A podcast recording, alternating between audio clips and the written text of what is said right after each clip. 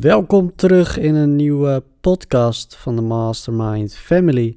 Leuk dat je er weer bij bent. En uh, ja, we gaan het vandaag hebben over keuzes maken. Keuzes maken, dat doen we eigenlijk ons hele leven lang. En dat begint eigenlijk al heel vroeg, wanneer we heel jong zijn en we keuzes moeten maken tussen allerlei leuke dingen. En dat begint vaak eigenlijk al bij een hobby. En dat is denk ik iets waar een kind. Ja, kijk, ik ben niet gespecialiseerd en dat is het, maar ik ga het gewoon zeggen.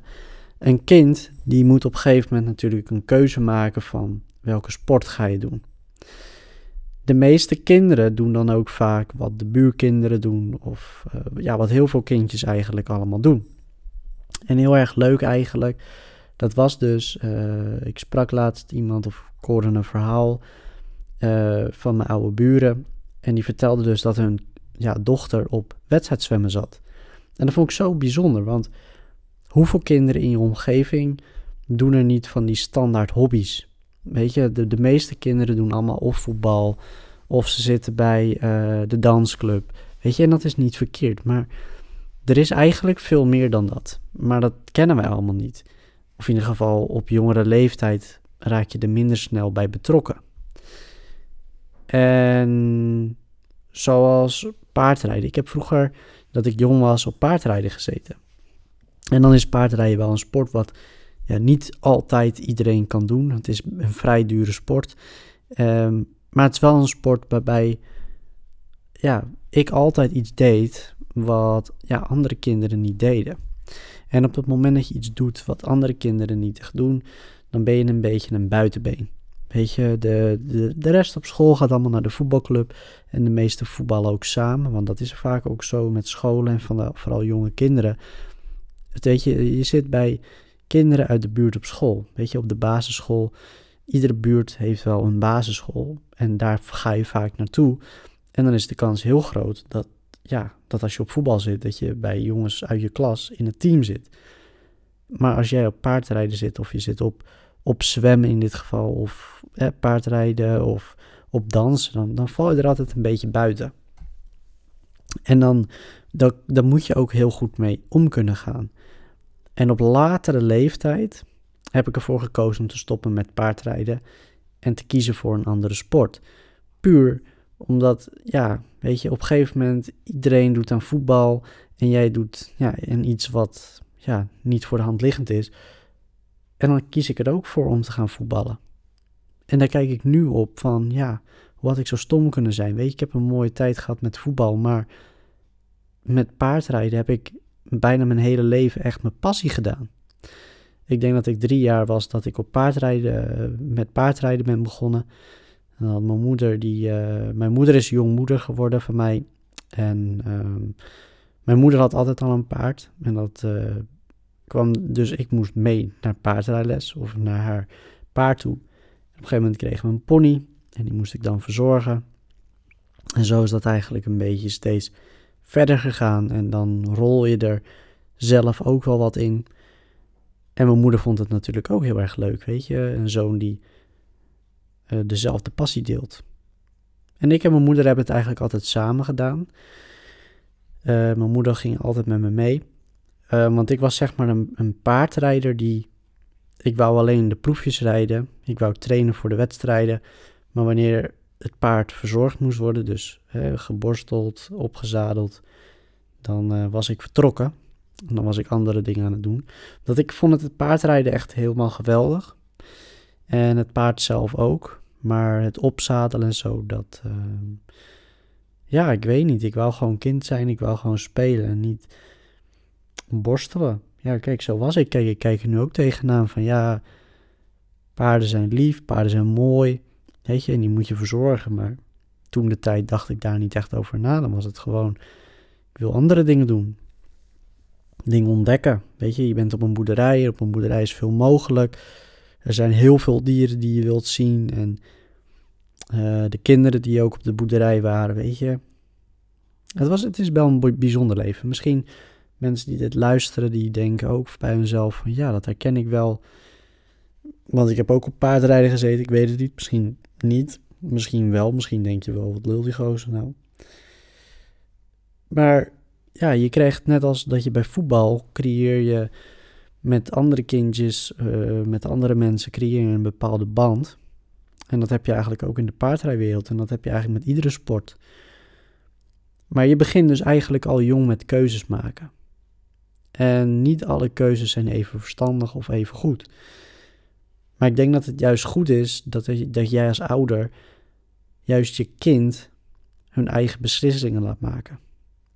Omdat op het moment dat jij geforceerd wordt om bepaalde dingen te doen waarvan je ouders denken dat beter voor je is, dan kan het wel goed voor je zijn. Maar ik heb gisteren een gesprek met iemand gehad en dat ging over talent.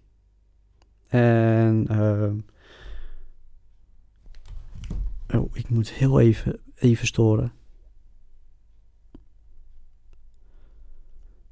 Ik had hier een foutje met de podcast, met het geluid. En ik krijg nu een berichtje van... Uh, op het op te lossen, maar het is al opgelost. Want uh, ja, oké, we gaan verder. En dat ging over talent.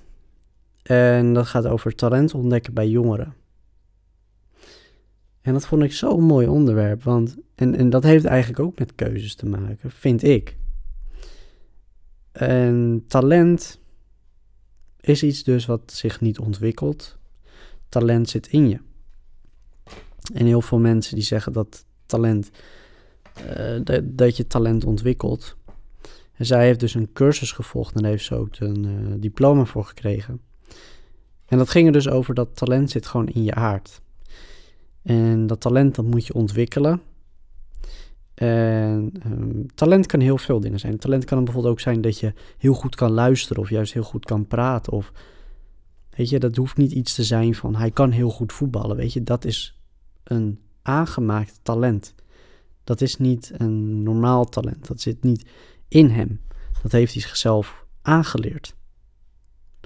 Maar terug om, om naar keus te gaan, want ik wil hier nog wel eens eerder een, pod, of meer een podcast over gaan maken over, uh, over dat talent. Dan uh, ga ik nog een beetje in verdiepen uh, wat zij eigenlijk ook heeft geleerd. En dan ga ik jullie dat beter uitleggen. Maar keuzes maken, dat, dat, dat, dat wordt ons vaak ge geforceerd. En bij heel veel mensen zie je dat school wordt voor je bepaald. Ik bedoel, hoeveel mensen of hoeveel ouders laten hun kind kiezen naar wat voor school ze willen. Want je kan kiezen tussen een vrije school of een normale school. En voelt een kind zich wel prettig op de plek waar hij is? Mijn middelbare school heb ik misschien voor 40% zelf kunnen uitkiezen. En dat heeft de reden gehad dat de andere school waar ik anders heen moest, geen goede school voor mij was. Terwijl ik op die school vond ik me niet prettig voelen, maar op de, de middelbare school waar ik uiteindelijk heen ben gegaan, voelde ik me ook niet op mijn gemak in het begin.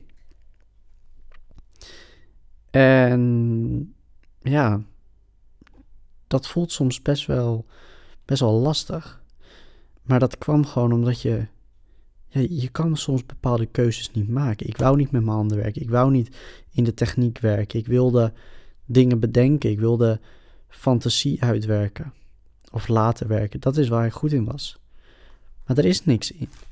Er is niks voor jongens die creatief zijn in bepaalde dingen ontdekken, verzinnen en dat gaan uitwerken. En dan kom je weer op dat talent en ik ga het ontwijken. Maar keuzes maken. Op een gegeven moment, wanneer je in groep 7, in groep 8 zit, dan wordt er aan je gevraagd. Volgens mij is het groep 7, groep 8. Bij mij wel, volgens mij. Dan gaan ze een beetje vragen: Frank, wat wil je worden? En dat vond ik zo'n lastige vraag. Dat vond ik zo lastig. En in het eerste ook, weet je. Dan was het ook van uh, dat je een keuze moest maken waar je in het tweede jaar van de middelbare school stage wou gaan lopen. En dan zei ik dat, waar ik stage wou gaan lopen en dan kon het niet. Terwijl het bedrijf wilde dat ik daar stage kon lopen. En dat, dat, dat voelde ook weer zo vervelend, want uiteindelijk moest ik naar een bedrijf waar ik um, in, in, het magazijn moest gaan werken.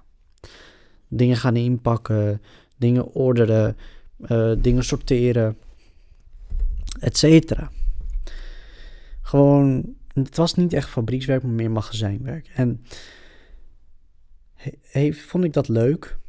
Ja, een beetje. Het was gewoon, ik kon niet doen wat ik wilde.